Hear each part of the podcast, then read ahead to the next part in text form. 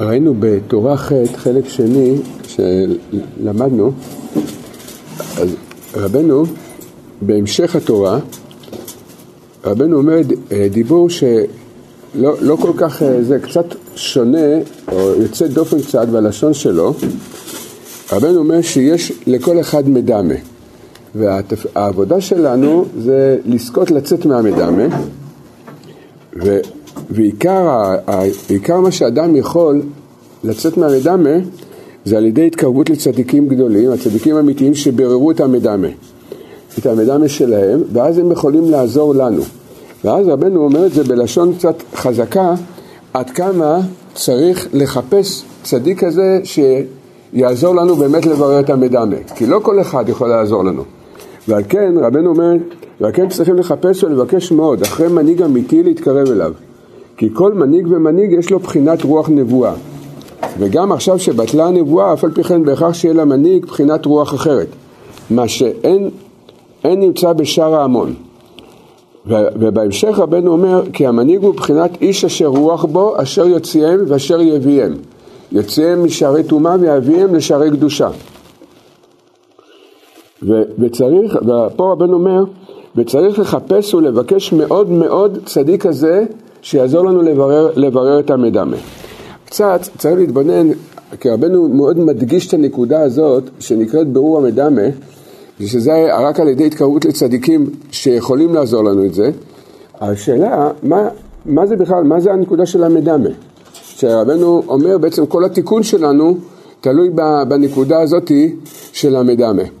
בליקוטי הלכות רבי נתן מאוד מעריך בנקודה שלה, שנקראת ברור המדמה. אז לכן קצת קצת נרחיב בזה, להתבונן בעצם מה זה הדבר הזה שרבנו כל כך מדבר חזק, שזה נקרא לצאת מהמדמה.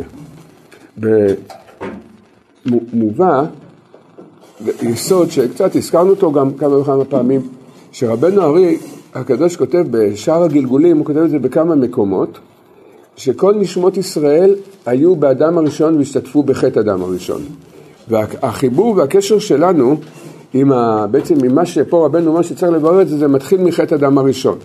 כמובן שאנחנו לא זוכרים את זה, אבל זה קיים בתוכנו, אף על פי שאנחנו לא זוכרים את הבחינה הזאת. והיסוד הכללי הגדול הוא שכתוב, זה כתוב בזוהר, כתוב בכתבי רבנו ארי, תלמידיו, הבעל שם טוב, זה כתוב הרבה בספרים הקדושים. הבריאה, יסוד, היסוד הפנימי ביותר בבריאה, הוא מניע אותנו גם, מניע אותנו שלמעשה כל נשמה, באמת זה כל הבריאה, ואנחנו מדברים על נשמות ישראל, כי אצל כל אחד זה בחינה אחרת לגמרי. אז נשמות ישראל, מה בעצם אנחנו תמיד מחפשים? מה הכוח הפנימי ביותר שמניע אותנו בכל המהלכים של החיים שלנו, של כל המציאות? זה האדם מחפש תענוג ועונג ונועם. זה, זה בעצם הפנימיות של, ה, של, ה, של הנשמה, הנשמה היהודית. זה לתמיר ושרון, זה תמיר ושרון, זה לא רק... זה, אתה, אתה יכול להתמודד איתם.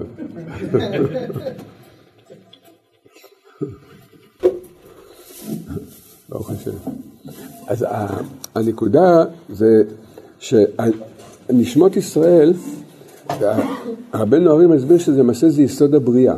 יסוד הבריאה זה לפני שהקדוש ברוך הוא ברא את העולם, ככה זה מובא בכמה וכמה מגדולי המקובלים, שנשמות ישראל היו במדרגה של נועם גדול מאוד, מאוד שלם, ובעצם הבריאה, בריאת העולם זה להחסיר, התחלת הבריאה זה להחסיר מאיתנו את הנועם הזה. נעלם מאיתנו הנועם הזה, ולכן גם זה הלשון שהעולם שלנו נקרא עולם. עולם זה משורש הבחינה של נעלם. מה נעלם? האור של השם, שהיינו איתו בשלמות כל כך גדולה לפני הבריאה, לפני שהנשמה באה לעולם, היינו בכזה שלמות, ברגע שאדם בא לעולם, מיד זה נחסר לו, הנועם הזה. אומר רבנו הרי הקדוש, לכן הנקודה הפנימית שתניע את האדם בכל מעשיו זה חיפוש הנועם. למה כל אחד אה, חי אחרת, מתנהג אחרת, מחפש דברים אחרים? כי לכל אחד יש שורש נשמה שונה שבו הוא מחפש את הנועם. אחד, יכול להיות לו כזה דבר, שהוא חושב שהנועם, הוא יזכה לנועם האלוקי הכי גבוה אם הוא יהיה סגן ראש הממשלה. לעומת זה, חבר שלו מרגיש שאם הוא יהיה מיליון, מיליונר במנהטן, שם הוא יקבל את הנועם האלוקי. אחד אומר, הוא יהיה אדמו"ר באיזשהו, בתאילנד, בברזיל, לא משנה איפה, שם הוא יקבל את הנועם האלוקי.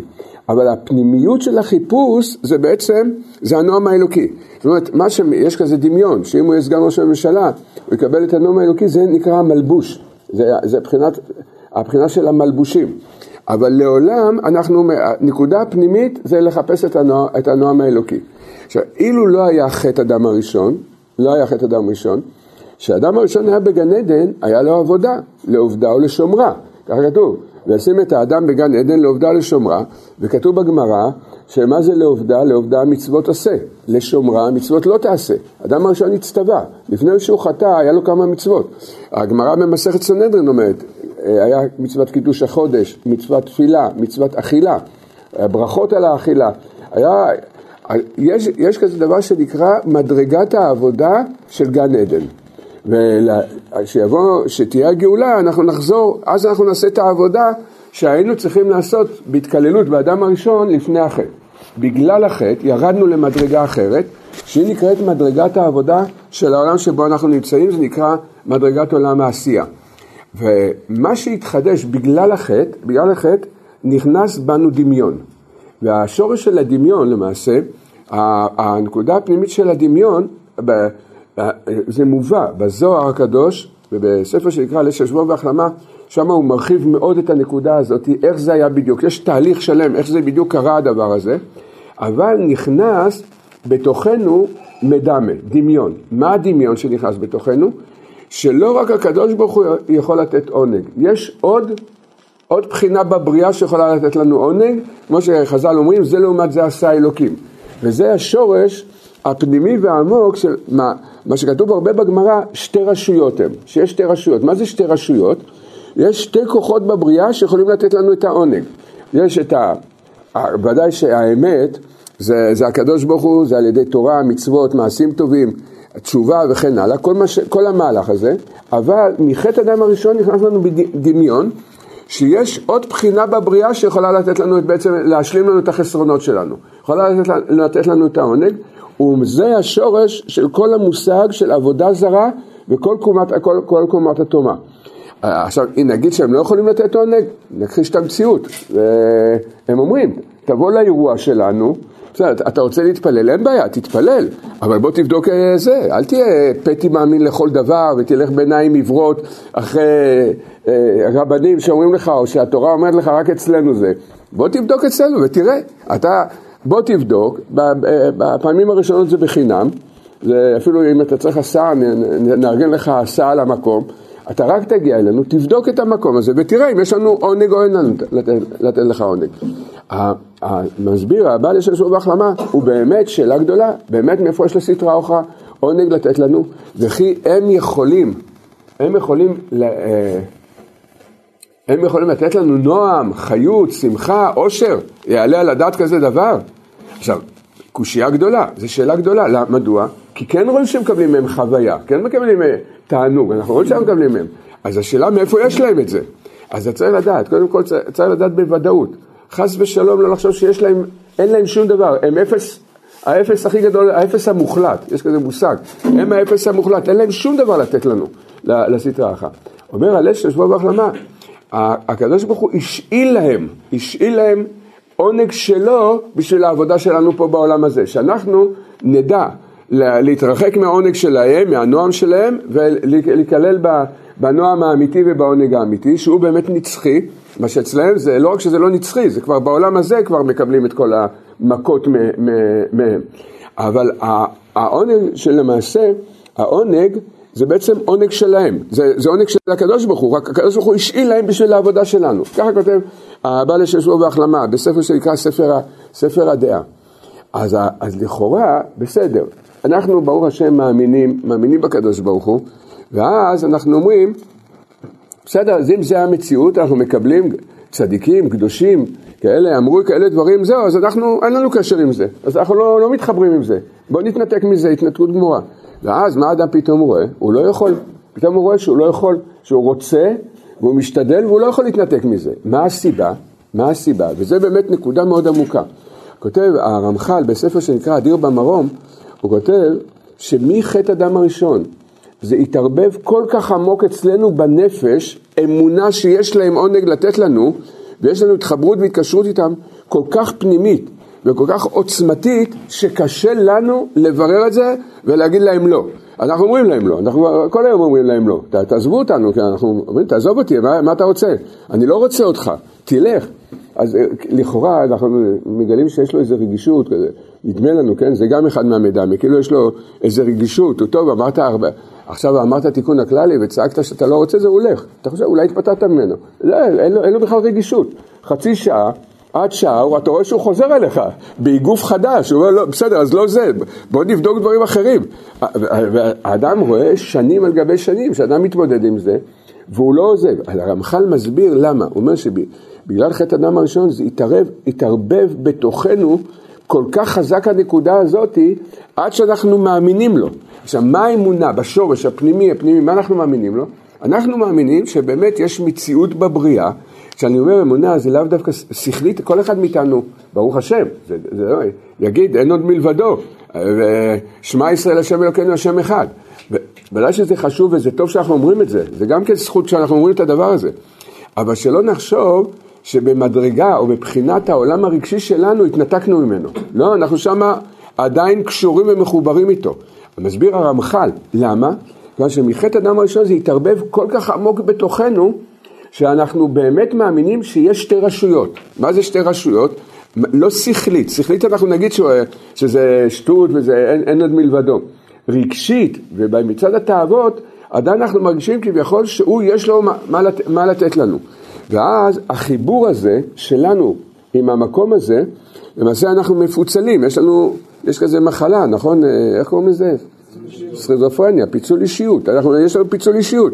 מצד אחד, יש בתוכנו חלק שרק רוצה להתחבר עם הקדוש ברוך הוא, ויודע ורוצה לחוות רק את הנועם האלוקי, אבל מצד שני יש גם את הנקודה של ההתקשרות הפנימית איתו. עכשיו צריך לדעת שההתקשרות היא מתחילה למעשה, כמו שאמרנו, מסביר בהרחבה ובעומק גדול מאוד, הבעל לשם שלום והחלמה, זו התחברות מאוד מאוד חזקה, וקשה לנו מאוד מאוד להיפרד מההתחברות הזאת. זה לכאורה, לפעמים ההרגשה שכל אחד מאיתנו חווה, שאנחנו לא יכולים, אנחנו לא, לא יכולים להתנתק מהדבר הזה. עכשיו זה בעצם כל ה... כפי ההתחברות שיש לנו עם המקום הזה, כפי עוצמת ההתחברות, וכל אחד זה לפי שורש נשמתו. יש לו התחברות עם המקום הזה, זה יוצר ממילא מסך בקשר שלנו עם הקדוש ברוך הוא. זה, לכן הרבה פעמים אנחנו באים להתפלל, אדם עומד בהתבודדות, תיקון הכללי, אדם אומר, עומד שמונה עשרה, ופתאום אדם אף טס לאיזה גלקסיה, כל, כל תפילת שמונה עשרה, מוכרים עכשיו טיסות לחלל, זה, אנחנו לא צריכים לקלוט את זה, עכשיו זה עלה מיליון דולר, סיפר, סיפרו לי, זה מי שרוצה, יש, מוכרים לזה, טיסה לירח, זה היה חצי מיליון דולר, עכשיו זה מיליון דולר, לפני כמה שנים. שבוע הייתי אצל מישהו, אצל, אצל הרב, אז הוא אמר לו לפני כמה שנים, הוא אמר לו תקנה זה, תקנה כמה כרטיסים לחלל, לירח, מוכרים עכשיו כרטיסים, הרב ידע שמוכרים בחצי מיליון דולר, אז, אז אותו אחד אמר לרב, זה היה שבוע שעבר, אז הוא אמר לו, הרב לא שמעתי בגולך, האם הייתי קונה עשר כרטיסים, חמש מיליון דולר, עכשיו היה לי, אני מוכר אותם, ויש זה, יש ביקוש, רוצים בזה, אנשים רוצים לטוס ל, לירח, לא, לא יודע בשביל מה, מה יש לי לעשות בעל הירח, זה מדבר, מה יש לעשות שם? אתה נוסע, שווה לשלם מיליון דולר בשביל לנסוע למדבר? בסדר. אז ה, ה, בתוך תפילת שמונה עשרה, אנחנו לא צריכים לקנות כרטיסים. אנחנו בשמונה עשרה טסים למאדים, לכוכבים. אתה רואה, אתה, אתה לא נמצא בכלל, הרבה פעמים קורה, אנחנו בכלל לא נמצאים בתפילה. מה הסיבה? הסיבה זה מסך, יש מסך בינינו לבין, לבין הקדוש ברוך הוא, והשורש של המסך זה למעשה ההתקשרות שלנו עם הדמיון של הצד השני. זה, הש, זה השורש העמוק והפנימי זה כפי ההתקשרות. כמו שאמרנו, זה התחיל למעשה הכל בחטא הדם הראשון, הוספנו עוד קצת, עיבנו את המסך הזה. עם, ה, עם הזמן קצת הוספנו הובעים, נהיה יותר עבה המסך, עם הגלגולים, עם הדורות, והבירור בעצם, זה איך אנחנו זוכים להיפרד מההתחברות הפנימית שיש לנו עם, ה, עם המקום הזה, ולהתנתק משם. זה מה שרבנו אומר, זה הבירור המדמה. הבירור המדמה זה, זה הבחינה הזאת להיפרד מהמקום הזה. הרבנו אומר, אי אפשר אי אפשר ל, ל, ל, ל, ל, להתנתק מזה, להתנתק הכוונה בשלמות, ושאדם, וקודם כל זה אפשר להתנתק מזה בשלמות, אנחנו צריכים לדעת, כן אפשר לעשות את זה, אבל היסוד הראשון בעבודה שלנו כנגד זה, זה ההתקשרות עם הצדיק. כי פה רבנו מסביר שהבעיה הגדולה עם העץ הרע, מלבד שהרבה פעמים הוא בא בתוקף גדול מאוד, תכף נראה באיזה בחינות, הוא בא בתוקף גדול מאוד, יש לו שורש שהוא מאוד ערמומי, ומהערמומיות שלו הוא מטעה אותנו, ואז הוא יודע להוביל אותנו בדרכים, הוא יודע להוביל אותנו בדרכים לא נכונות, שאנחנו בכלל לא מתקרבים באמת ליעד. האדם חושב שהוא מתקרב ליעד, אבל באמת הוא, הנחש היה ערום מכל חיית השדה. אם את אדם וחווה הוא הצליח להטות, ודאי וודאי שיכול להטות אותנו. בבחינה הזאת. אז לכאורה, מה עומד כנגד זה? מה עומד כנגד הבחינה הזאת? כנגד הערמומיות הנחש? אז רבנו אומר, זה מה שרבנו אומר פה, זה ההתקשרות עם הצדיק. על ידי ההתקשרות עם הצדיק, אדם יכול לברר, אדם יכול לברר את, ה, את המדמה. זה, זה מה שרבנו, לכן רבנו אומר, וצריך לחפש, לחפש ולבקש מאוד מאוד. צדיק הזה, והוא חוזר על זה עוד פעם, בכמה לשונות, וצריך לבקש מאוד מהשם יתברך, שיזכה להתקרב למנהיג אמיתי, ואז על ידי ההתקרבות לצ... למנהיג האמיתי, אז, אז פה, פה אפשר לברר את המדמה. כי גם איפה שהיצר רע יטעה אותנו, הצדיק ישמור עלינו, כמו שנראה בהמשך, הוא, יכול, הוא, הוא, הוא ישמור עלינו מפני הטעויות האלה. כי אותנו ודאי יכול להטעות, אבל הצדיק יודע לתקן את הבחינות האלה. עכשיו, באיזה, באיזה הבחינה של ההתקשרות שלנו עם המדמה, עם הכוח הזה, שזה למעשה, זה, הרבנו אורי קורא לזה, זה ההתקשרות עם חוץ, חיצוניות הבריאה. פנימיות הבריאה זה מלכות השם. החיצוניות של הבריאה זה החוויות שאנחנו נפגשים. אנחנו הולכים ברחוב ואנחנו לא רואים את הקדוש ברוך הוא, אבל כן יש מראות אחרים, ואז יש את כל המלחמות. בכלליות, בכלליות זה, יש שלוש מישורים, שלוש בחינות, שבהם התקשרנו בעצם עם, ה, עם המקום הזה מחטא הדם הראשון. יש בחינה, איזה, בלשון הקבלה והחסידות זה נקרא נפש, רוח ונשמה. והנפש, רוח ונשמה, מן הסתם כל אחד ראה את המושגים האלה וראה הרבה פעמים, אבל מה זה, מה זה אומר הלכה למעשה, נפש, רוח, נשמה? נפש, רבנו ארי כותב, נפש משכנה בכבד, רוח בלב, נשמה במוח. זה הבחינה של מלך, מוח לב כבד, הזאת. ושלושת הבחינות הם למעשה מולידים, מגלים, מאירים בתוכנו.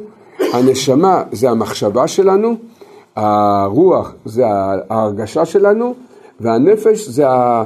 הנפש זה התאווה שלנו. בעצם, שבעצם האור הפנימי שמאיר בתוכנו זה מחשבה, הרגשה ותאווה.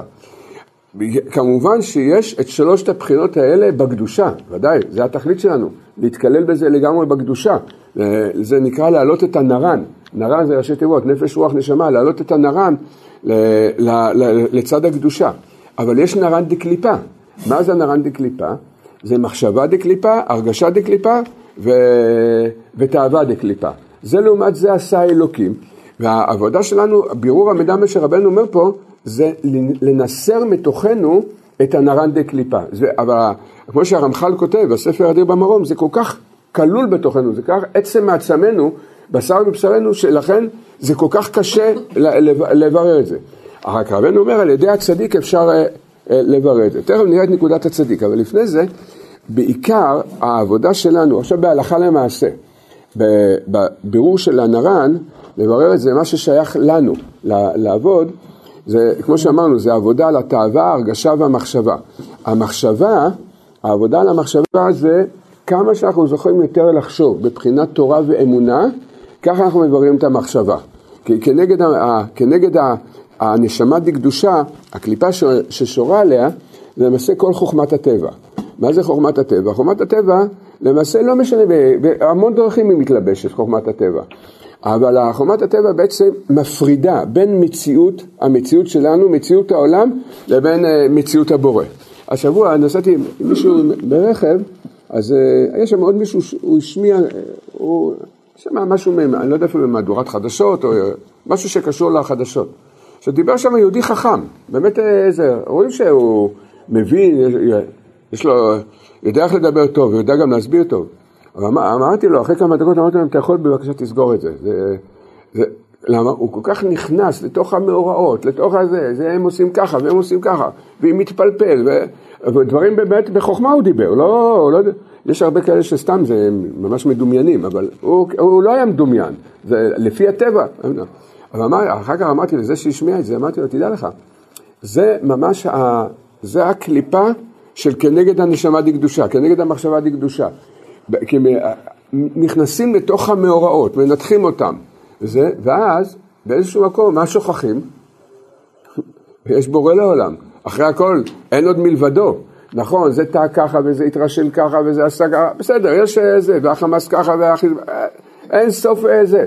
אבל בואו נזכור, אין חמאס, בפנימיות, בהסתכלות הפנימית, יש בורא עולם, ובורא עולם אומר לנו, תתעוררו, תתעוררו אליי. אתם רוצים אה, זה? עכשיו, כולם רוצים לפתור את הבעיות. ברוך השם, זה כבר טוב שרוצים לפתור את הבעיות. אבל אה, ברגע שאתה רוצה לפתור את הבעיות, אז זה נכון שכשיש מלחמה צריך להילחם, אין, אין ספק. אבל זה לא, ודאי שזה לא שם נמצא, לא, לא הפתרון, זה לא, ודאי שלא במקום הזה. בורא עולם בעצם קורא לכולנו, תתעוררו, להסתכל אליי ולבקש ממני שאני אעזור לכם. מה אתם יכולים לעשות אם אני לא אעזור לכם? ראי, ראיתם, ברגע אחד אפשר, לה, הכל מתהפך, והוא באמת, אין עוד מלבדו. זה דוגמה, נתנו דוגמה, כי עכשיו זה דוגמה אקטואלית, כולם מדברים, אה, זה, מה הוא אומר ומה הוא חושב ומה הם מתכננים ומה הם רוצים, ואין סוף אה, חוכמה מושקעת בזה.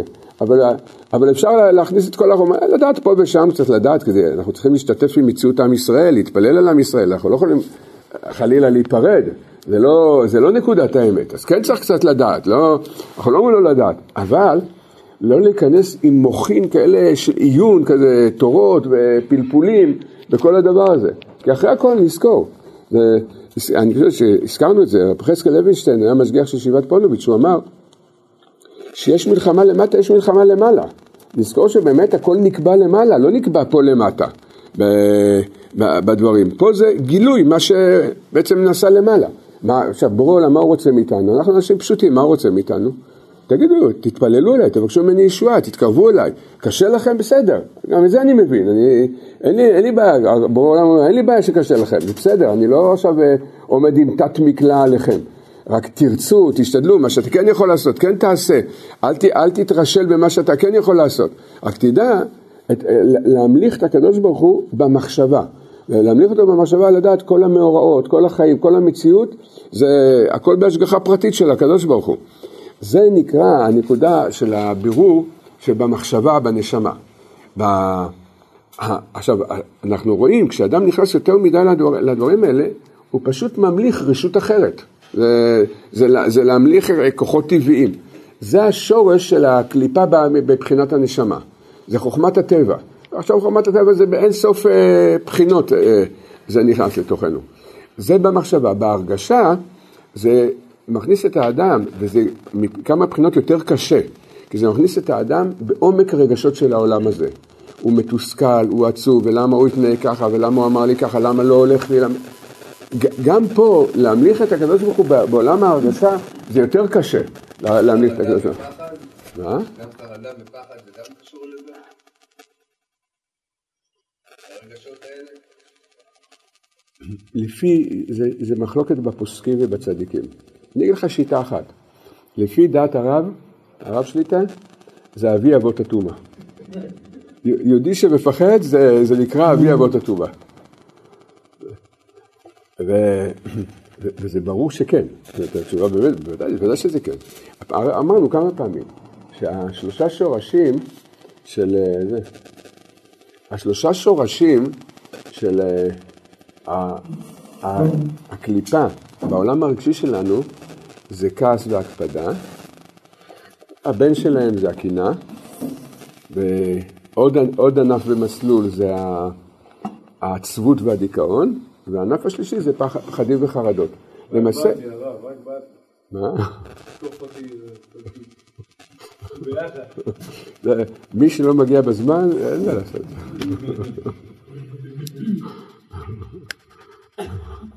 אז השלוש בחינות האלה, הרי בן אדם שהוא מאמין, ככל שמאיר בתוכו האמונה, מה לא ולפחד.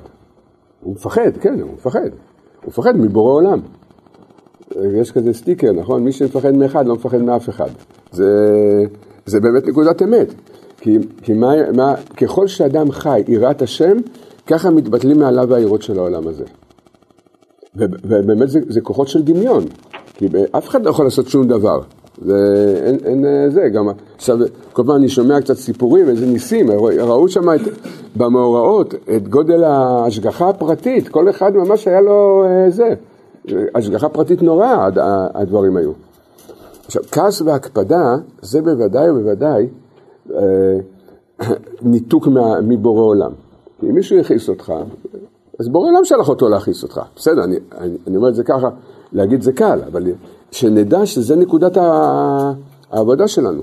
והעצבות, והבן אומר שהעצבות זה בעצם הקליפה הכי קשה, זה, זה בוודאי שאדם מנותק לגמרי מבורא עולם. למה? כי עוז וחדווה במקומו, האור של השם זה רק משמח ומחיה את האדם. אז אם האדם בעצבות, זאת אומרת הוא מנותק, מנותק. זה המסכים, אז זה המסכים מבחינת רוח, מבחינת לב, מנותקים מהקדוש ברוך הוא, וזה, והשורש, זה מה שרבנו מחדש פה, השורש של הדבר זה ההתחברות שיש לנו עם הרשות האחרת, עם הסטרא אחא שנמשך מחטא הדם הראשון. משם נמשכים כל המסכים האלה. בעבר היו כל מיני דרכים מתונות לעזור ולטפל, היום חייבים להגיד את ה... ללכת על ה... על ה זה נקרא, רבנו אומר את זה על, על החוד של החרב, של הסכין. כי אי אפשר עכשיו, אין, אין פשרות. עד לפני כמה זמן היה פשרות, עד uh, שמחת תורה היה הרבה יותר מתינות בהתבוננות הזאת. היום זה כבר, בורא עולם אומר לא, תסתכלו עליי ישירות, אין לכם מה להסתכל uh, לצדדים. זה, זה, אני פה בעולם הרגשי שלכם, אני פה בעולם השכלי שלכם, אני פה גם בתאוות שלכם. שזה הבחינה של הנפש.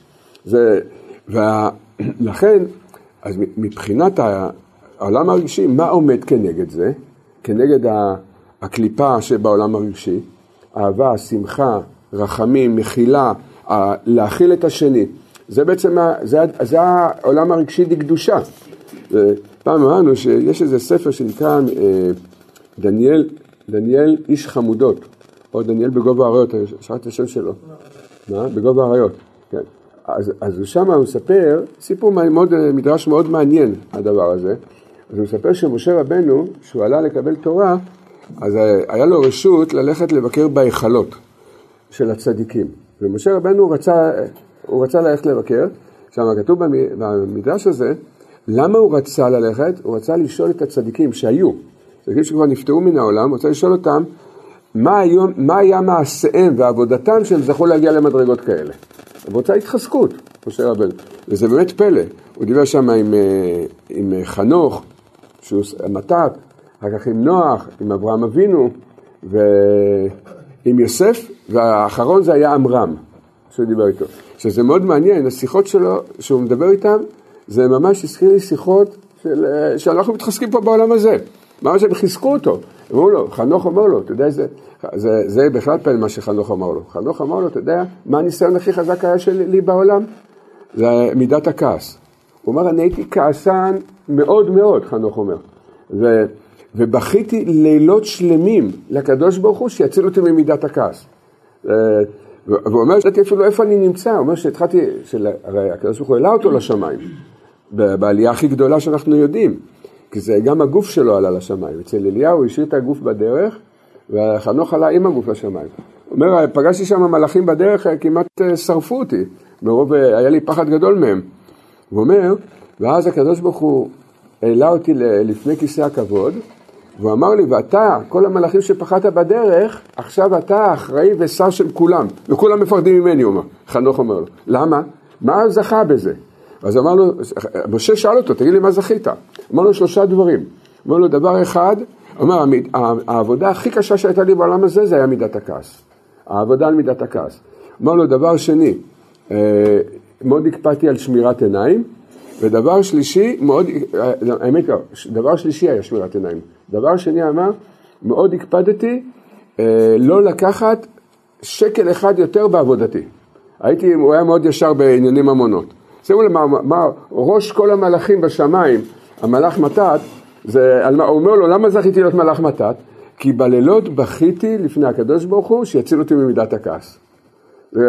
כמה, כמה זה בעצם אנושי וכמה העבודה שלנו פה בעולם הזה עד היכן, עד היכן היא מגיעה ולאן היא עולה, מה שבעולם הזה נראה לנו, טוב אני צריך להתגבר על מידות הכעס כי בסדר זה תיקון המידות, אבל אי אפשר לדעת, אי אפשר לתאר עד היכן הדברים עולים, העבודה שלכאורה פשוטה היא שורש הבריאה, עכשיו הזכרנו את זה בשיחה שהיה למשה עם עמרם, עם אביו כשהוא בא, אז עמרם אמר לו, בני, אני יודע למה באת לפה, אתה באת לקבל את התורה, אני רוצה להדריך אותך.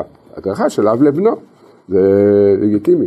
ואז הוא אמר לו, עמרם אומר לו, תדע לך, המידה שהכי אתה צריך לעבוד עליה, זה מידת הכעס. הוא אומר, העיקר העיקרים זה, תעבוד על מידת הכעס. ועמרם אומר לו, ויכעיסו אותך. ותדע לך, הוא אומר לו, אני יודע, עם ישראל יכעיס אותך. ותדע לך שאתה הולך, הולך לקראת זה. ואז הוא אמר לו ככה, הוא אמר, והכעס שיש בלב האדם זה סיגים של עבודה זרה. וכשאדם מרחל, מרחם, כשאדם מרחם, זה, זה האור של הנשמה האלוקית שבתוכו. ואמר, לכן, ואז עמרם אומר למשה, תדע לך, גם שהם אה, אה, יחלקו עליך וימרדו בך וימרדו בשם, אין זה אלא ממחלות הנפש, ואין בין מחלות הנפש למחלות הגוף ולא כלום, וכמו שאתה תרחם על אדם חולה, אה, חלילה יש לו, נשבר לו היד, מה, שתכעס עליו? זה, תעזור לו מה שאתה יכול. הוא אומר, ככה צריך לעזור לבן אדם שיש לו חולי הנפש, שזה, הוא אומר לו שם, זה המידות. אז ה, ה, הנקודה, ב, ב, בוודאי שעומד מאוד מאוד מאוד חזק הנקודה של היום, של בירור העולם הרגשי שלנו. זה, רואים שזה כמעט הלב של כל המציאות שלנו, הדבר הזה. ולמעשה, הרפואה, הרפואה זה, זה האמונה ואור השם. אי אפשר עכשיו, אי אפשר כבר להתמודד עם זה כמעט, אה, אין דרכים אחרות. חוץ מההתחברות עם הקדוש ברוך הוא. ברגע שאדם מתחבר עם הקדוש ברוך הוא, אז, ה, אז ה, אנחנו רואים נמשך רפואות אל הלב, אל הלב שלנו. יש בחינה שכתוב שבקשר שלנו עם הקדוש ברוך הוא יש כזה בחינה שכתוב בספרי הקבלה והחסידות שנקרא נוכח, נוכח. זאת אומרת, הנוכחות של, מידת הנוכחות של הקדוש ברוך הוא בתוך המציאות שלנו. כלומר, עד כמה אנחנו מרגישים שהקדוש ברוך הוא נוכח בתוך המציאות שלנו. ומי שנוכח בלב האדם, מי שאדם מרגיש שיש לו נוכחות, איתו בעצם, איתו הולכים להתחבר. זאת אומרת, עכשיו מישהו בא ו... ופגע בי, העליב אותי, דיבר אליי לא יפה. הוא לא יודע את רום מעלתי, הוא לא, הוא לא יודע את זה, אז אה, הוא דיבר אליי לא יפה. עכשיו, כשאנחנו עומדים מול המציאות הזאת, מה אנחנו מרגישים בעצם? נוכחות של האדם שפוגע בי, נוכחות מאוד חזקה, היא מאוד משפיעה עליי. למה אתה אומר לי את זה? למה אתה פוגע? עכשיו זה לא רק זה, לא רק למה אתה אומר לי. ויש אב ואמינא שאם אתה אומר לי את זה, גם אה, זה, אולי אתה צודק במה שאתה אומר לי, זה עוד יותר מתסכל את האדם. אומרים לך, אתה הכי לא יוצלח בעולם, אתה הכי רשע בעולם. עכשיו קודם כל, למה אתה אומר לי את זה, ב... אתה מדבר עליי לא יפה, אבל הפחד, החש... הפגיעה הכי גדולה, שאדם חושב בלב, או מרגיש בלב, אולי הוא צודק, אולי באמת זה, אז בכלל זה... עכשיו, מה ההתייחסות שלנו אל זה שמדבר אלינו בצורה כזאת, למה אנחנו בעצם כל כך מרגישים את זה? כי הוא נוכח בחיים שלנו, בתוך המציאות שלנו, הוא פה, אבל הוא נוכח מולנו. מה חסר פה בעצם? נוכחות של הקדוש ברוך הוא. הלוואי שהיה לנו הרגשה של, שהקדוש ברוך הוא נמצא איתנו, כמו שיש לנו הרגשה שבן אדם חושב שמדבר איתנו, אנחנו כבר מרגישים את הנוכחות שלו, את הנוכחות של הקדוש ברוך הוא, אנחנו לא מרגישים. הלוואי בתפילת נעילה של יום כיפורים, נרגיש אחד חלקי מאה אלף מנוכחות של אה, זה, של בן אדם שפה מדבר אלינו לא יפה. מי שיש לו אחד חלקי מאה אלף בתפילת נעילה של יום כיפורים, צריך אה, שיגלה, נלך להביא לו פדיונות. שיבטיק עלינו דינים, אם יש לאחד הזה. אתה, אתה רואה, אנחנו, תפילת נעילה, זה נחתם ונכתב ונחתם כל, ה, כל השנה, כל החיים, העולם הזה, העולם הבא, בתפילת נעילה, זה כתוב, כל הספרים הקדושים, זה החתימה, זה החתימה הכי גורלית על החיים של האדם. צריך איזו יראה שם. עכשיו בואו נראה את היראה שיש לנו בתפילת נעילה, ולהבדיל, שלא יקרה, אבל להבדיל, עכשיו דוברמן או שתי דוברמנים בגובה מטר, שתיים בלילה רצים אלינו. מה, איפה מידת היראה שלנו מול הכלבים, איפה מידת היראה שלנו מול הקדוש ברוך הוא בתפילת נעילה? זה, צדיקי הדור, יש להם אחד חלקי עשרת אלפים מזה, בתפילת נעילה. אז, וכל זה למה? אין נוכחות של הקדוש ברוך הוא בתוכנו. אנחנו לא מרגישים אותו נוכח. לא שאנחנו לא מאמינים בו, מאמינים בו. יש כיסא הכבוד, ויש מנהיג לעולם, הוא ברא את העולם, הוא מולך על העולם. אבל בעולם הרגשי שלנו, איזה הרגשה יש לנו כלפי הדבר הזה? זה התיקון הכי גדול. עכשיו, באמת הנקודה הזאתי, זה הצעקה של הלב לקדוש ברוך הוא, שאדם יזהה, שאדם יזהה, זה, זה דבר גדול מאוד, אדם יזהה. מפלוני, מאלמוני, אני מרגיש אותו כל כך חזק, את הנוכחות שלו, את המציאות שלו. אם הוא מדבר אליי יפה, אני הכי שמח בעולם, כשהוא מדבר אליי לא יפה, אני הכי עצוב בעולם, כשהוא מפחיד אותי, אז אני הכי מפחד בעולם. מתי אנחנו מרגישים ככה כלפי הקדוש ברוך הוא? אנחנו רואים, אנחנו בפנים 18, השם שפתיי תפתח ופיגי תלתך, איפה אנחנו בנוכחות השם? וכל תפילת 18 זה מדרגת נוכחות, זה, זה נקרא אצילות. זה כתוב בסידורים, עולם האצילות בתפילת 18 זה כוונה נוכחות של הקדוש ברוך הוא בתוך, בתוכנו. השם יעזור לנו, זה איפה אנחנו נמצאים מהבחינה הזאת. אחת העבודות הגדולות שלנו בנקודה הזאת זה לראות את החסרון הזה, את החסרון הזה שקיים בתוכנו, ומתוך המציאות של, אנחנו רואים את החסרון, לצעוק לשם, השם תתגלה אליי, תעזור לי להרגיש אותך בתוך הלב. ולמעשה, זה, בזה נמשך רפואה מאוד גדולה על, עלינו. עכשיו, ההתגברות החזקה שקורית כל התקופה הזאת, כל, כל המאורעות, ואנחנו לא נביאים ולא בני נביאים, אבל לא נראה שזה, זה, לא נראה שיש פה איזה דרך חזרה. לא, לא שאני יודע מה התוכניות של, של הקדוש ברוך הוא, לא מחשבותיי מחשבותיכם, אבל איך שלפי סימנים, לא נראה שיש איזה דרך חזרה. עכשיו אנחנו רואים שהקדוש ברוך הוא מגביר את העומס, את הלחץ, כל אחד לפי המקום שבו הוא נמצא, צריך להבין למה בורא עולם מגביר את זה, למה, למה, למה הוא מנהיג את, כל, את, ה, את הדבר הזה. כדי שאנחנו נתעורר מתוך התחושות הקשות שאנחנו, כל אחד מה שהוא עובר, שנתעורר מזה לצעוק אליו ולהגיד לו אתה תציל אותי, ת, תהיה נוכח בתוכי. אנשים היום אה, יושבים בחרדות נוראיות, בפחדים אה, נוראים, מכל דבר הזה, אז מה לעשות עם הפחד הזה? תיקח את זה, זו הנקודה האמיתית, תיקח את זה כחומר דלק להתחזק עוד יותר בצעקה לשם. הקדוש ברוך הוא שם אותך בבור, אתה, אתה חשוך, אתה בחושך, וזה אחד נקודות מהבירור של המידע מהחזקות, כי ברגע שאדם במצב רגשי כזה, יש תורות, הזכרנו כמה פעמים את הספר הזה ואין עליו הסכמות, לא לקנות אותו ולא לקרוא אותו. ספר שנקרא ליקוטי סמ"ם. מתי, שם כתוב בליקוטי סמ"ם, הוא, הוא כותב שם בתורה ה' ו', הוא אומר, מתי אני מתחיל לפעול? כשאתם במצב נפשי לא טוב. ברגע שאתם במצב לא נפשי לא טוב, אני מתחיל לפעול, שם אני נמצא. והוא מסביר, הוא מסביר איך הוא מתחיל לפעול, הוא מגלה תורות. זה, זה רוח אחרת, לצדיק יש רוח אחרת, גם לא יש רוח אחרת. הוא מגלה תורות מאוד גבוהות מתי שאנחנו בדיכאון. או בחרדות, או בעצבויות, בכעסים, אז הוא מגלה תורות מאוד גבוהות. ותורות נפלאות יש לו שם, זה ממש מופלאות. יש שם הסבר מאוד מפורט הגיוני מאוד, שכלי מאוד, עמוק מאוד, למה בעצם אין שום תקווה לעולם, ואם אתה חושב שיש תקווה לעולם, ודאי וודאי שלך אין שום תקווה. זה, זה כל הייאושים האלה, והצדיק מגלה לנו, הצדיק מגלה לנו, כשאתה נמצא במצבים האלה, בדיוק הפוך, אז תצעק לשם. תתעורר, תפילה להעניק כי הטוב ולפני השם ישפוך שיחו, השם שמע תפילתי, שבתי לפניך תבוא. אז אדרבה, להתחזק בנקודה שנקראת תפילה לעני. מה כתוב בזוהר הקדוש? הזוהר אומר, תפילה לעני ותפילה למשה ותפילה לדוד. משה ודוד, הצדיקים הכי גדולים בדורות. אז, אז הזוהר אומר, מה זה תפילה לעני כי יעטוף, הלשון הזאת?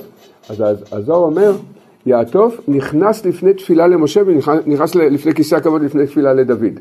אדרבה, דווקא כשאדם נמצא במצב הזה, התפילות שלו מתקבלות יותר מכל ה... מתפילה למשה, יותר מהתפילה של צדיק הדור. וזה הצדיק מאיר בנו את הנקודה הזאת. אם דווקא אני מרגיש במצב הזה כשאני כועס, מאוס מאוד. לא כאילו אני לא ראוי לדבר.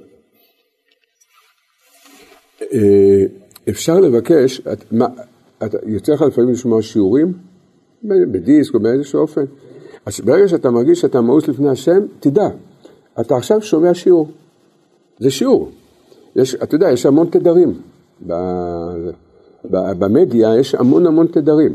אתה מכיר את זה? שיש זה, זה הולך על הרבה תדרים. יש תדר שבכלל לא צריך מכשיר. הוא מדבר, הוא משדר לנו ישר לתוך המוח. זה, זה, זה נקרא ליקוטי סמ"ם. אתה מאוס, אתה לא רצוי, וכן הלאה. וזה נכון, זו הרגשה שעוברת אצל כל אחד. ודווקא שמה בנקודות האלה, ונהפוך הוא. וזה אחד הבחינות של ההתקשרות עם הצדיק האמת, שהוא מאיר בתוכנו את הנקודה הזאת. זה, אז זה עבודה קשה, זה, זה באמת עבודה קשה, על כולם זה עובר עכשיו, הדבר הזה, הבחינה הזאת. אז זה, זה, זה למעשה בירור, הבחינה של בירור הרוח, או בחינות העולם ההרגשה. יש עוד בחינה, שזה בירור עולם התאווה. בירור עולם התאווה, אמרנו, הקדוש ברוך הוא מגביר את כוח הקליפה, ככל שמתקרב הגאולה, הוא מגביר את הכוח, בכל השלוש בחינות, כל הנרן דקליפה, הוא מגביר את זה. עכשיו, מה הסיבה? כמו שאמרנו קודם, מה הסיבה? לעורר אותנו לצעוק יותר חזק לקדוש ברוך הוא. פה זה לא עכשיו, הנקודה עכשיו זה לא להיות צדיק, זה להיות אני שצועק לקדוש ברוך הוא. אה, לכן, ה... לכן זה, זה כל כך חזק, זה הולך ומתעצם כשאנחנו נצעק עוד יותר חזק לקדוש ברוך הוא. בסופו של דבר לא תהיה ברירה. יש שלב יהודי, בסופו של דבר זה חלק אלוקא ממעל. בסופו של דבר, ודאי שיהיה שלב שכולם יצעקו לשם. זה, זה, זה המשנה במסכת סוטה, סוף מסכת סוטה. אין לנו על מי להישען על אבינו שבשמיים. רק ככל שאנחנו מתעוררים קודם, אנחנו ממשיכים את זה, שזה יהיה יותר ברחמים. נדמה לי שאמרנו את זה, שאמר לי, לפני שנים אמר לי יהודי, שאל אותי שאלה, אומר, כתוב, הוא הקשה עליי קושייה, אמר, כתוב ולא ידח ממנו נידח. אז הקדוש ברוך הוא לא דוחה אף יהודי. אז הוא אמר, אבל כתוב גם ימין מקרבת ושמאל דוחה. אז הוא אמר, אבל לא, ולא ידח ממנו נידח, אז איך השמאל דוחה? קושייה, הקשה קושייה. אז זה שהקשה גם תרץ את זה. תירוץ, אה, תירוץ יפה מאוד. הוא אמר לי, הוא שאל אותי ככה, הוא אומר, הימין, למה היא מקרבת? ימין מקרבת, למה היא מקרבת? לקדוש ברוך הוא, היא מקרבת לקדוש ברוך הוא, וימין זה חסדים, מקרבת. השמאל שדוחה, לאן היא דוחה? גם לשם. זה, הימין והשמאל פועלים לאותו כיוון, רק מה ההבדל? אם זה יהיה ברחמים או שזה יהיה במכות. זה, עכשיו, אם אנחנו מתעוררים מעצמנו, אנחנו, אנחנו בוחרים את דרך הימין ולא דרך השמאל. הקדוש ברוך הוא לא יוותר על אף אחד. אנחנו צריכים גם להתפלל שכולם יזכו ב- להתקרב בימין ולא בשמאל. לא, זה.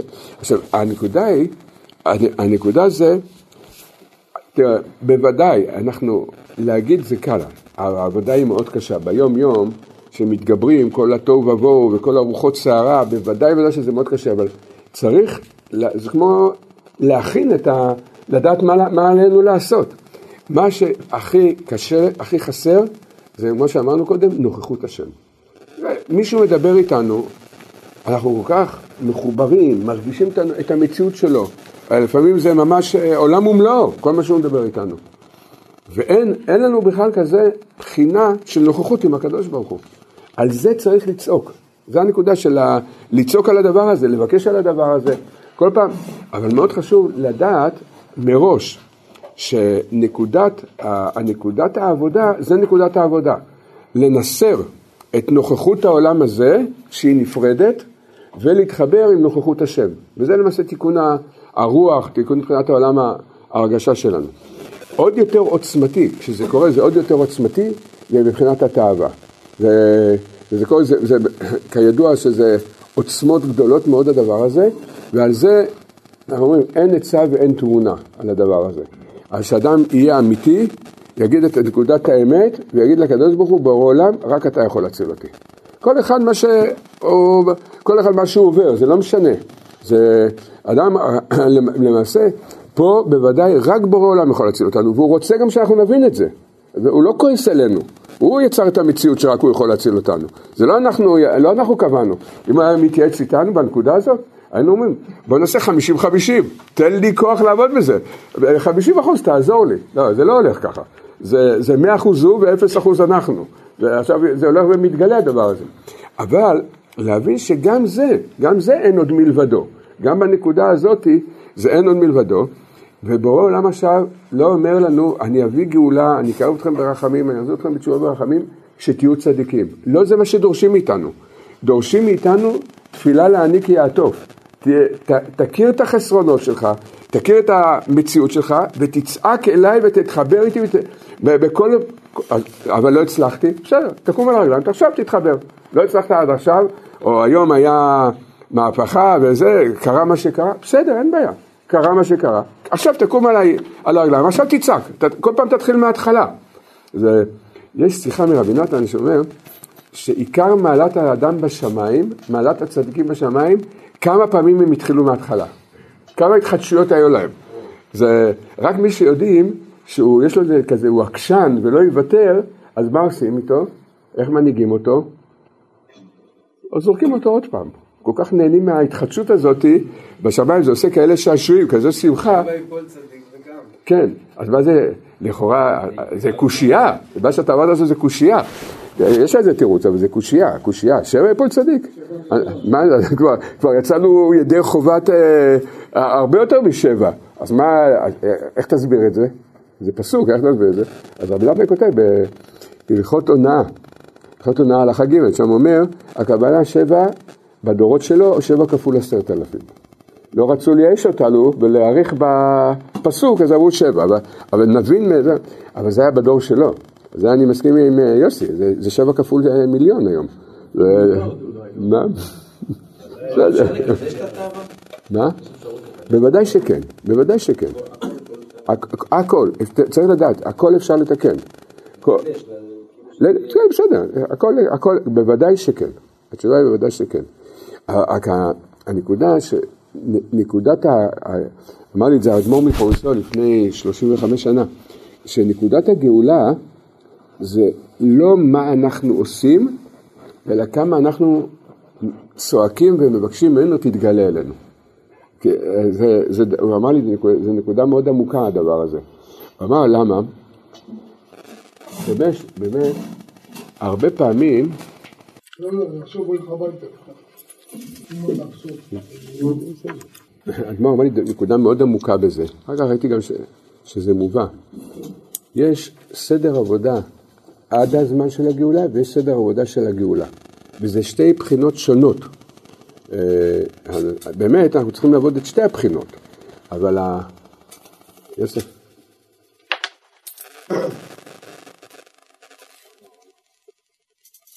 זה זה, זה, זה שתי בחינות אה, שונות, הדבר הזה. עד הגאולה האדם צריך היה, כל ההנהגה הייתה בתוך מציאות מסוימת. יש לה סדרים, יש לה כללים, יש לה חוקים, ואנחנו על ידי תורה, מצוות, מסירות נפש, מתקנים את זה. אמר לי אדמו"ר, הגאולה זה גילוי של עולם ואור מבחינה שמעולם עוד לא הייתה בבריאה. זו מציאות שעוד מעולם הייתה לא בבריאה. מכיוון שהיא מעל הבריאה, היא מעל גדרי הבריאה שאנחנו מכירים, על כן העבודות שלנו לא יכולות להגיע לשם, אנחנו לא יכולים לעשות משהו כדי uh, לזכות להמשיך את האור הזה. יש, אה, נסביר, יש הרבה מדרגות של הערה רוחנית. אז נניח, נקרא לזה ככה, זה בעל התניא, הוא אומר, עולם האצילות עולם רוחני, לא משנה מה, מה זה, מבחינות של אורות רוחניים, כשאנחנו לומדים תורה כשאנחנו מקיימים מצוות, כשאנחנו מתפללים, אנחנו עוסקים בתיקון והשפעה מעולם האצילות אלינו. זה הגדר. אבל הגאולה היא מבחינה הרבה יותר גבוהה מעולם האצילות. אז הדברים הם מאוד מדויקים. אז מה העבודה שאנחנו יכולים לעשות בשביל הגאולה? איז, איזה עבודה אנחנו יכולים לעשות? היא מעל גדרי התורה, היא מעל גדרי התפילה, היא מעל גדרי העבודה שלנו. אבל חייב להיות משהו שאנחנו נעשה כדי להמשיך את זה. כי יש כלל, לא נמשך שום דבר מלמעלה, אלא כן יש התעוררות מלמטה. בלשון רבנו ארי זה נקרא מן ומד. מן, מים נוקבים, זה ההתעוררות שלנו, מים דוכרין, מד זה מים דוכרין, זה השפע שיורד מלמעלה. עכשיו, אם העבודה שלנו לא יכולה להגיע לאור של, של הגאולה, אז מה, מה אנחנו יכולים לעשות? שיהיה זה השגה בזה. מה? שיהיה זה השגה. כן, כן, אפילו השגה אין לנו, אבל שנדע מה עלינו לעשות. שייכות לזה, משהו שדרך רגע, לא, לא, אין צורך לזה. תגיד לו, תגיד לו, פעם אחרונה. זה ב- ב- ב- ברחמים, ברחמים. לא, אתה יודע מה, פעם לפני האחרונה, עוד יותר אחרונה.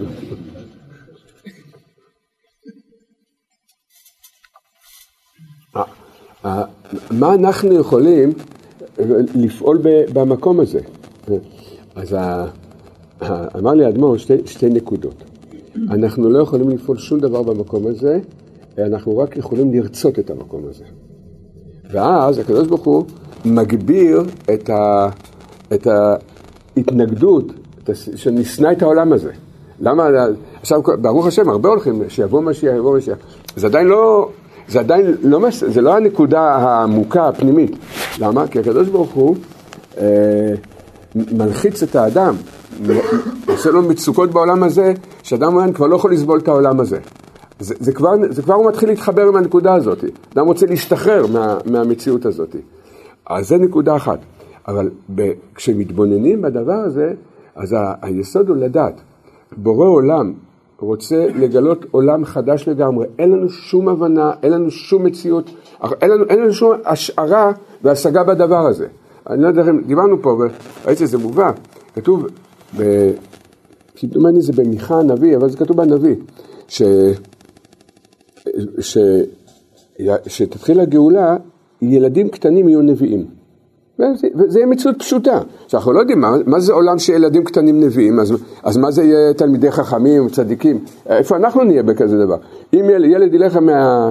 ישלחו אותו בבוקר לחדר, 600 מטר, הוא יקבל כמה זה. הוא ילך, הוא יראה שמות הוויה, הוא יעשה ייחודים בדרך. זה יהיה מציאות פשוטה.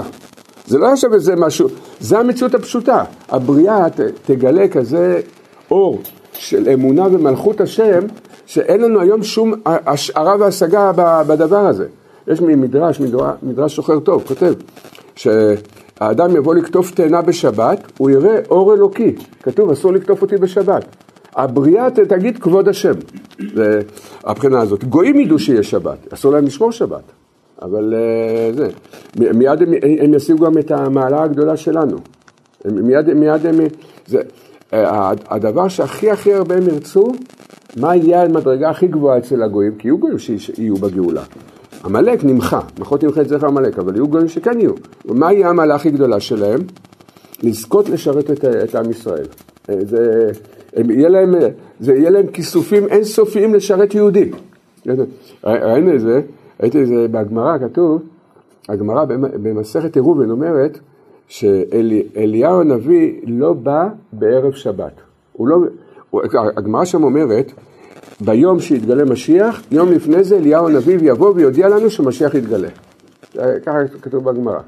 אבל הגמרא אומרת, הוא לא יבוא בערב שבת. אליהו הנביא לא יבוא בערב שבת. שואלת הגמרא, למה הוא לא יבוא בערב שבת? כי לא להפריע לנו בהכנות לשבת. הוא לא רוצה זה, הוא לא רוצה להפריע לנו. רואים כמה, כמה גדול ויקר ההכנות שבת. אדם הולך, מבשל, מכין, זה, בסדר, אנחנו רגילים זה ביום יום. אבל זה, אליהו הנביא יימנע מלבוא כדי לא להפריע לנו להכין את השבת. הגמרא אומרת את זה. ואז הגמרא אומרת, אז אם כך, גם משיח לא יבוא ביום. אם, אם, אם אתה רואה, אם אתה רואה את זה, אז גם משיח לא יבוא בערב שבת. אומרת הגמרא, לא, משיח כן יכול לבוא בערב שבת. שואלים למה? הגמרא שואלת למה? למה אליהו... אומרת הגמרא ככה, ברגע שיבוא משיח, כל הגויים ירצו לעבוד אותנו, הם מיד ירוצו להכין לנו, לעזור לנו להכין את השבת. אנחנו רק נצטרך לתת הוראות. תסדר את השעון, זה גמרא אומרת, ככה הגמרא אומרת את הנקודה הזאת. זה, אז כל אחד יהיה מחוץ לבית איזה אלף, אלף אה, גויים, שיגיד לו, רק תגיד לנו, ת, ת, תגיד לנו מה אנחנו יכולים לעזור לך, נעזור לך. אז, אז מקסימום יבוא משיח, אתה יכול לשלוח אותו לזה, תגיד לו, יש חלות בזה, במקום פלוני, תביא חלות, ת- תביא לי זה, אז לכן מש...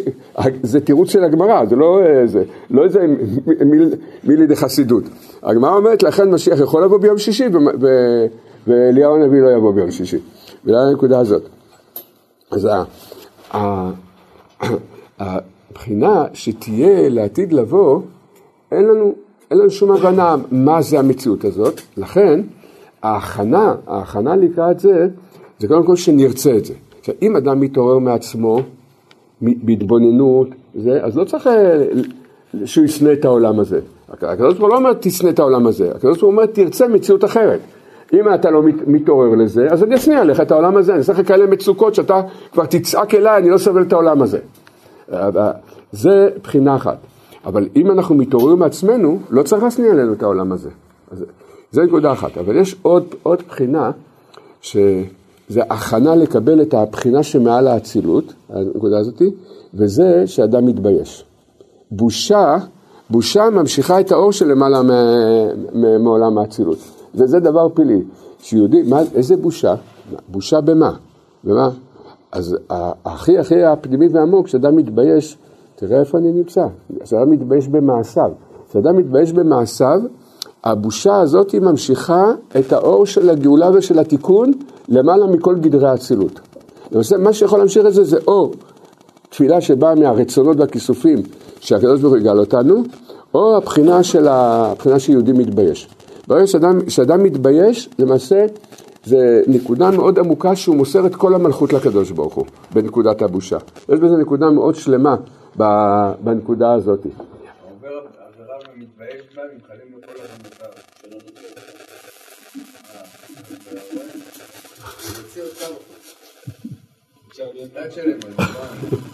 ניתן גם לתמיר עוד פעם אחת. במקום סוגיות להביא להם פעם הבאה תביא.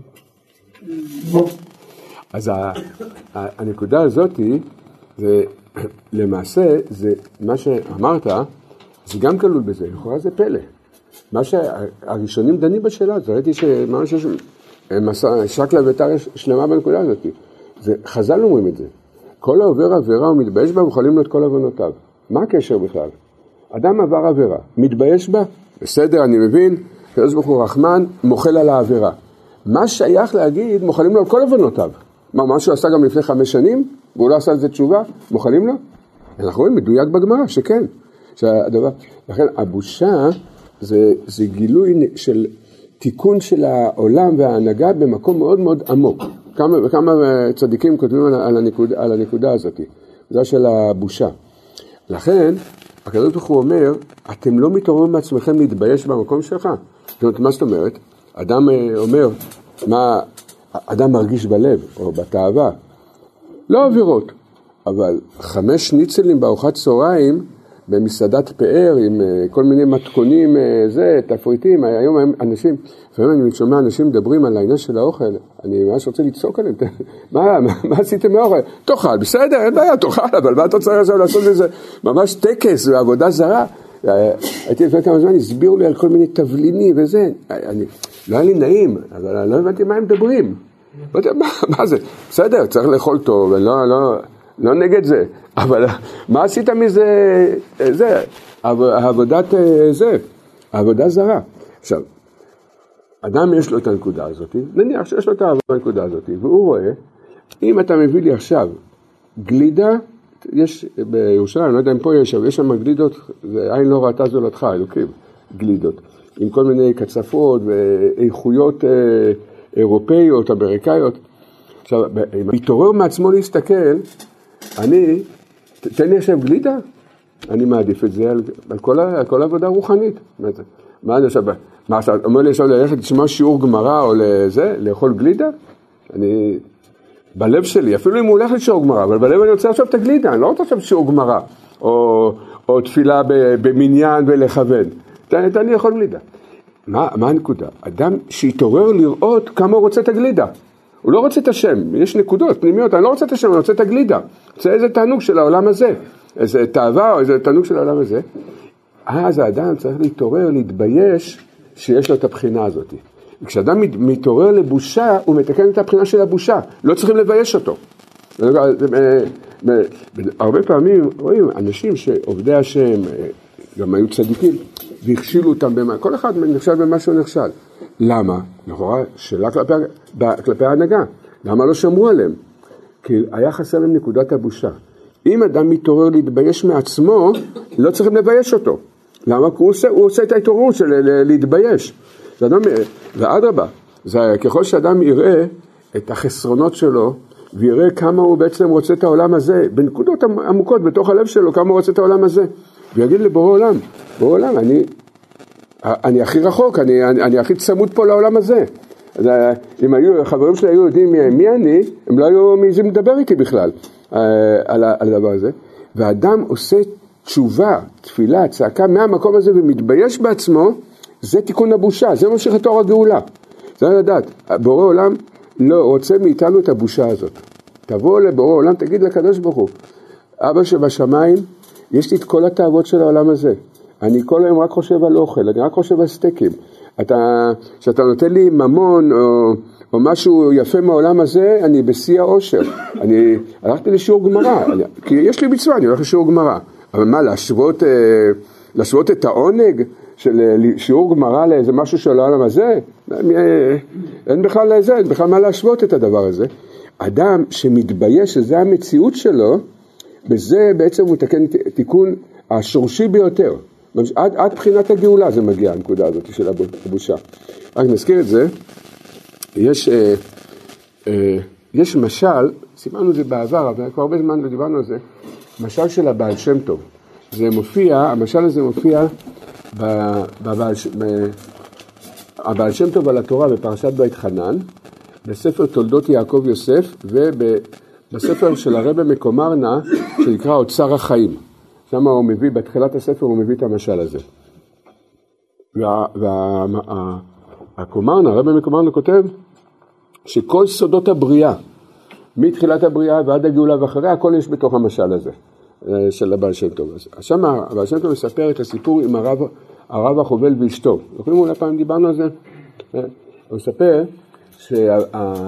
שהיה שם איזה יהודי עשיר מאוד, והיה ברוך השם, אשתו הייתה צדיקה מאוד גדולה, ובא אליו איזה סוחר גול שהיה איתו בקשר, ואמר לו, הוא, הוא שמע שהוא מתפלל, תצילו אותנו בזכות אשתה, הם היו על, על ספינה.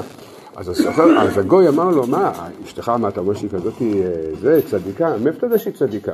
אז הוא אומר לו, מה, מה זה? אני חי איתה, מה אני יודע, אני מכיר את הצדקות שלה. אז אמר לו, תדע לך, הסוחר הגוי אומר ליהודי הזה, הוא אומר תדע לך, כל עוד היא לא עמדה בניסיונות, אתה לא יכול לדעת. אז הוא אמר לו, אני כל כך היה בטוח, היהודי, אז הוא אמר לו, "אתה- אני מוכן, מוכן לנסות. אז הוא אמר לו, תגיד לי, מה, יש רק סוד לך ולאשתך, ותראה שאני, תראה שאני זה. אני אפתה אותה ואתה תראה שהיא תגלה לי את הסוד הזה. אז הוא אמר, תראה, יש לנו טבעת, שזה רק היא ואני יודעים את, את סוד הטבעת הזאתי, ואף אחד בעולם.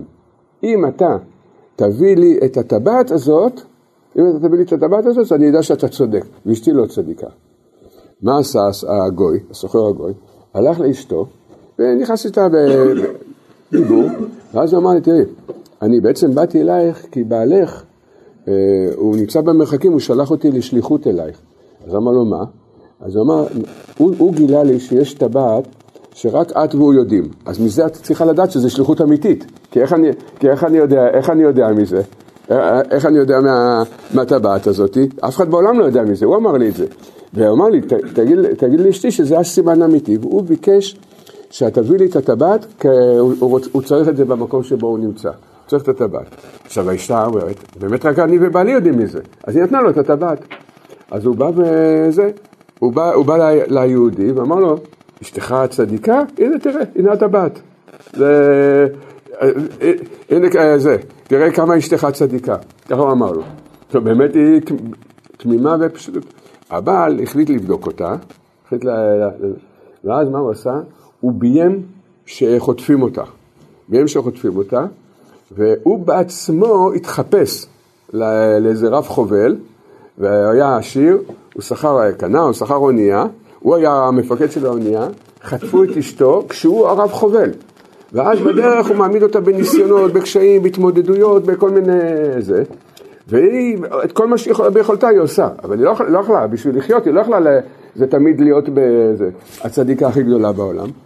עד שיום אחד היא ברחה, היא הצליחה לברוח מהאונייה, עשתה סיבוב שלם, הרבה מאורעות, הרפתקאות עברו עליה, עד שהיא חזרה הביתה. כשהיא חזרה הביתה, אז הוא בעלה אמר לה, איפה את? איפה היית? אז היא אמרה לו, איפה הייתי? איך לא שמרת עליי? ואז היא סיפרה לו, אתה יודע, הרב חובל חט... חטף אותי, ועשה לי כך, ו... ועבר, ועבר מה שעבר, כל מה שעבר עליי. ואז ככה, אז הבעל שם טוב כותב ככה, וראה שהיא מצטייר, מצטיירת ומתמרמרת על כל מה שעבר עליה, וידע את גודל צדקותה, וביקש ממנה סליחה ופייס אותה ונתן לה מתנות גדולות. עכשיו, הבעל זה הקדוש ברוך הוא, ושמה, באחד הדברים, אה, הוא הרעיב אותה בתא, הרב חובל הרעיב אותה בתא, עד שהגיע ממש לשערי מוות, זה, זה, ואז היא אמרה לו, היא אמרה, לו, הוא בא אל הלקה, היא אמרה לו, תיתן לי לאכול. אז אמר לה, רק אם תנשקי אותי אני אתן לך לאכול. ואז זה, אז לא הייתה לה ברירה, פיקוח נפש, אז היא הסכימה. כשהיא באה הביתה, היא אומרת לרב, היא אומרת לזה, לבעלה, אתה יודע מה קרה לי, איך, איך אתה נתת שדבר כזה יקרה, חטפו אותי, ואני מספרת לו את הכל, וראה את צערה ואת ההתמרמרות שלה, זה, אז הבין את נאמנותה הגדולה, ואמר לה, ואמר לה, מעולם לא היה אף אחד, זה רק אני הייתי. זה, אני התחפשתי, זה הכל מלבושים. כל, כל הסיבות זה, זה רק מלבושים.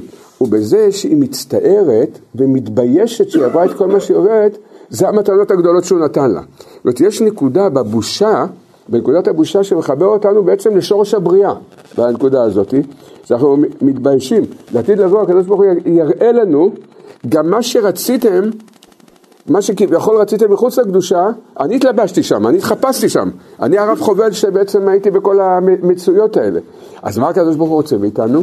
מה הוא רוצה? תתבייש שאתה, שאתה בתוך המציאות הזאת, וזה יהיה הפיוס שיהיה לעתיד לבוא, שהקדוש ברוך הוא יפייס את נשמות ישראל לעתיד לבוא, הוא יגיד להם, אתה, אתה נסעת להודו למצוא שם, שמעת שיש איזה אה, אה, יער עם אגוזי קוקוס, שמי שאוכל את האגוזי קוקוס האלה עולה לחוויות רוחניות מאוד גדולות. הקדוש ברוך הוא יראה לאדם, אני הייתי שם בתוך הזה.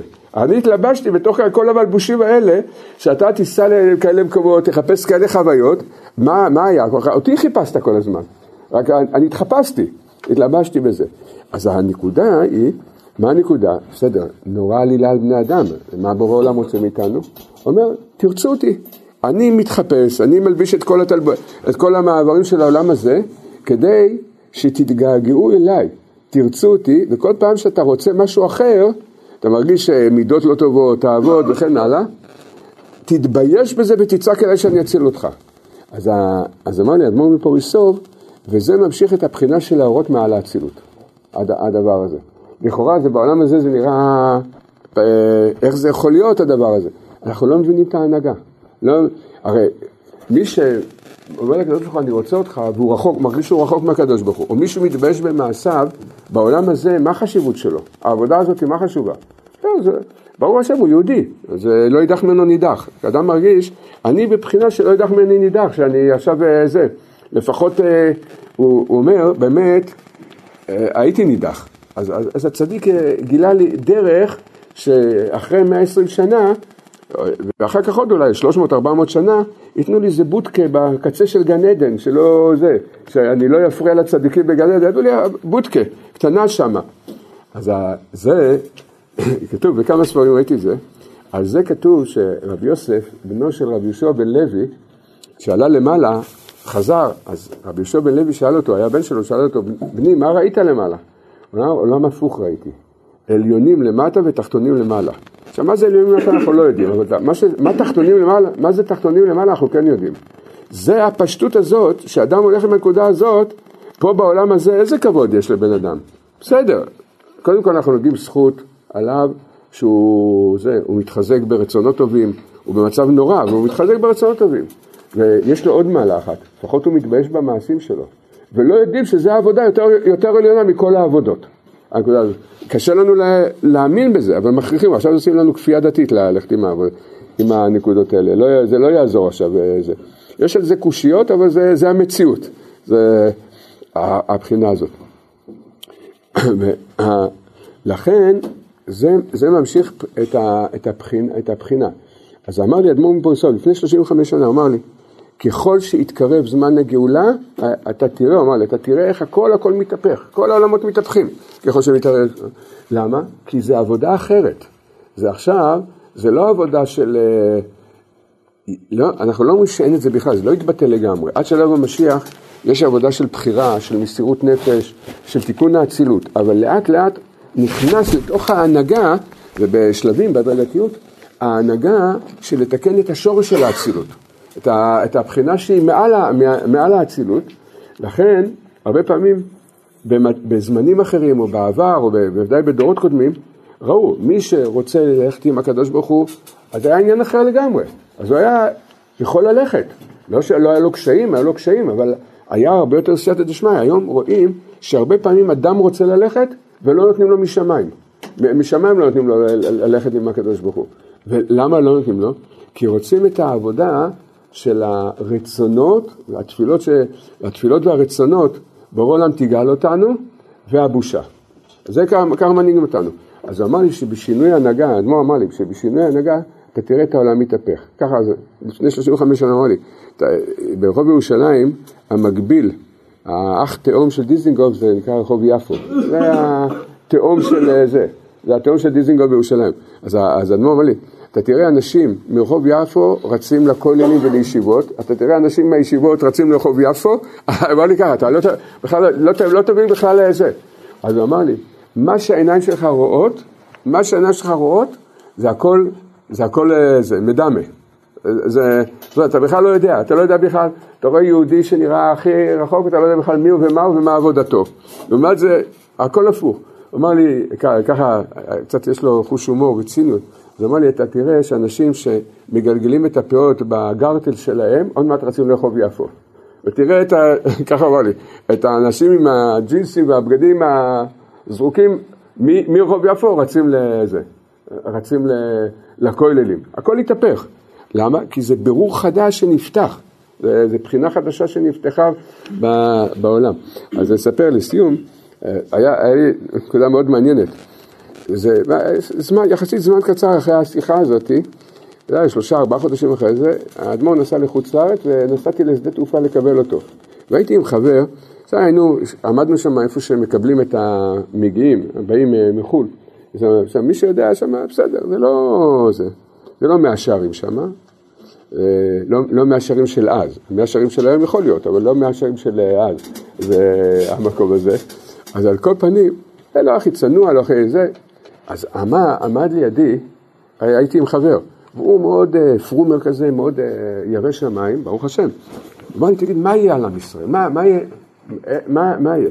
אז, אז נזכרתי בשיחה, אמרתי לו, תראה, אמרתי לו, אנחנו באנו לקבל את, את, את, את האדמו"ר, אמרתי לו, תראה, שמה שמעתי ממנו לפני כמה חודשים, ואז סיפרתי לו את הדבר הזה, והתחזקנו, ואז תוך כדי שאני מדבר, עובר לידינו יהודי, בחור צעיר, בן אה, בערך בגיל 30, הוא עבר, ונעמד בערך 4-5 מטר מאיתנו. עכשיו, איך הוא היה נראה, אה, ככה, אני לא, לא, אני לא רוצה לתאר את כל הפרטים. הייתי מעדיף לא להיפגש איתו בשתיים בלילה לבד. זה לא, לא הבן אדם שהיה סימפטי להיפגש איתו בשתיים בלילה. גם היה לו כזה זיפי זקן, לא, לא זקן, זה כאלה זיפים, אה, היה, נראה ככה חילוני לגמרי. בסדר, הוא עמד 4-5 מאיתנו. עכשיו, עד היום, זאת אומרת, זה היה ממש, אני לא יודע למה, הוא החזיק ספר ביד. אני פתאום עזבתי את החבר שלי, ואני לא אמרתי לו אפילו, לא, גם לא חשבתי זה. פשוט רגליי הוליכו אותי, פתאום אני הולך אליו. עכשיו, למה שאני אלך לבן אדם שאני לא מכיר אותו בכלל? ואני מסתכל איזה ספר הוא מחזיק ביד. מה אני רואה? ליקוטי תפילות. הוא מחזיק ביד ליקוטי תפילות. ואז אני, הוא ראה שאני מסתכל, אז הוא אומר, אשרינו שזכינו, שזכינו להכיר את זה. אמרתי, אמרתי לו, אשרינו. אבל זהו, לא, לא דיברנו יותר, חזרתי לחבר. אמרתי, תראה איזה השגחה פרטית שהקדוש ברוך הוא הראה לי. מה אמרת עכשיו? אמרת הכל הולך להתהפך. ואתה לא יודע בכלל מי בצד ימין, מי בצד שמאל, מי למעלה, מי למטה. זה, מדוע? כי בהנהגה, הח- זו הנהגה חדשה שיורדת לעולם, זה העיקר זה הרצונות והבושה. עכשיו זה, לא, זה כבר לא משנה כמה המלבוש של הבן אדם הוא כך או כך. ודאי מה ששייך לבחירה ועשייה, אנחנו צריכים להשתדל כמה שיותר אה, סור מרע ועשה טוב, בוודאי. כי זה שתי הנהגות משמשות ביחד, זה שתי הבחינות האלה. אבל ה- שרואים, וגם התעוררות, מה, מה התיקון שלנו להמשיך את זה, זה, זה התפילה, הרצון תפילה לעני, ואדרבה. אמרתם שאדם בהרגשות כאלה, היצר הרע בא ואומר לו עכשיו תורות, לוחש לו, באוזן, לוחש לו תורות. אין תקווה, אין סיכוי, אתה אבוד, לא אוהבים אותך, שונאים אותך, כועסים עליך, ואתה אשם בכל. זה, זה תורות בליקוטי סמ"ם, הדברים האלה. ו, ולכן, על ידי ההתקשרות עם הצדיק, זה, הוא, הוא מעורר אותנו, הוא מגלה לנו את התפילה לעני, הוא מגלה לנו את הנקודה, אדרבה, כשאתה במצבים האלה. עכשיו, בכללות, ההנהגה שמנהיגים אותנו זה בשני המישורים, לא מנהיגים אותנו רק במישור אחד. זה, וזה אחד הדברים גם שקשה, כי אנחנו לא יכולים לעזוב את דרכי הפשט של התורה. זאת אומרת, להשתדל להתחזק במצוות, במעשים טובים, אה, להתרחק מהרע. הפשט לא יתבטל, המישור הזה הוא לא יתבטל. זה, זה קיים ואנחנו צריכים לעבוד אותו. רק שמשמיים כופים עלינו, זה כפייה דתית, כופים עלינו את כל ההנהגה הזאת, את כל ההנהגה הזאת, לדעת איך, לדעת מה רוצים מאיתנו. למה, למה זרקים אותנו, למה מעבירים בנו כאלה תחושות? עכשיו אנחנו רואים שזה הולך ומתגבר. אם לא יודעים את זה, היום, אני לא זוכר אם סיפרתי לכם, אבל יש לי ידיד טוב, הוא רופא בקהילה בירושלים, דוקטור רז. הוא אמר לי, השימוש בתרופות הרגעה עלה בין פי שתיים, אצלו רק, הוא אמר, אני לא יודע באופן כללי, בין פי שתיים לפי שתיים וחצי. היום כולם חייבים איזה טשטוש, טשטוש מוחי, טשטוש רגשי, טשטוש, ללכת בתוך איזה בועה. אבל, וזה מתחיל מזה שלא לא יודעים את הסדר הנכון של ההנהגה. לא מבינים שבעצם בורא עולם לא עכשיו צמצם אותך ומפחיד אותך וכן הלאה, כדי שתהיה בזה, במצב הזה, אלא תתעורר לצעוק אליו. אנחנו פונים מעומק הלב לציבור היקר. יש לנו קשיים מאוד גדולים בכל הפעילות של המדיה. אנחנו לפני שבועיים רצינו לבטל את זה לגמרי, הכוונה לסגור את כל הפעילות במדיה והצער שלנו מאוד גדול כי ברוך השם יש הרבה התחזקות, עם ישראל מתעורר עכשיו בכלל, בכלל ובפרט באמונה מאוד גדולה, אנחנו רוצים להמשיך את המהלך הזה, לכן אנחנו פונים בפנייה מעומק הלב לכל אחד, אם אפשר לעשות הוראת קבע של ל-12 חודש של 100 שקל לחודש, אנחנו מקבלים על עצמנו 40 יום להתפלל על כל אחד מהתורמים ובעזרת השם, בהתעוררות הזאת נוכל להמשיך את כל הפעילות של המדיה ולזכות את עם ישראל, להאיר ולקבל אור מעם ישראל. ככל שיש יותר תורה בעם ישראל, יותר שיחות של אמונה, של התחזקות, למעשה אנחנו ממשיכים את האמונה, אנחנו ממשיכים את השמירה של הקדוש ברוך הוא על כולנו. לכן כל מי שיכול לעזור בזה, משתתף בעצם, יש לו זכות להשתתף בעצם הפצת התורה ברבים. יש לו זכות בכל התחזקות של כל יהודי בשיעורים ובשיחות. לכן אנחנו פונים לכל אחד שיכול, שיעשה הוראת קבע של 100 שקל למשך שנה, ובעזרת השם נוכל להמשיך את הפעילות הזאת, והקדוש ברוך הוא יגאל את כולנו ברחמים ובחסדים.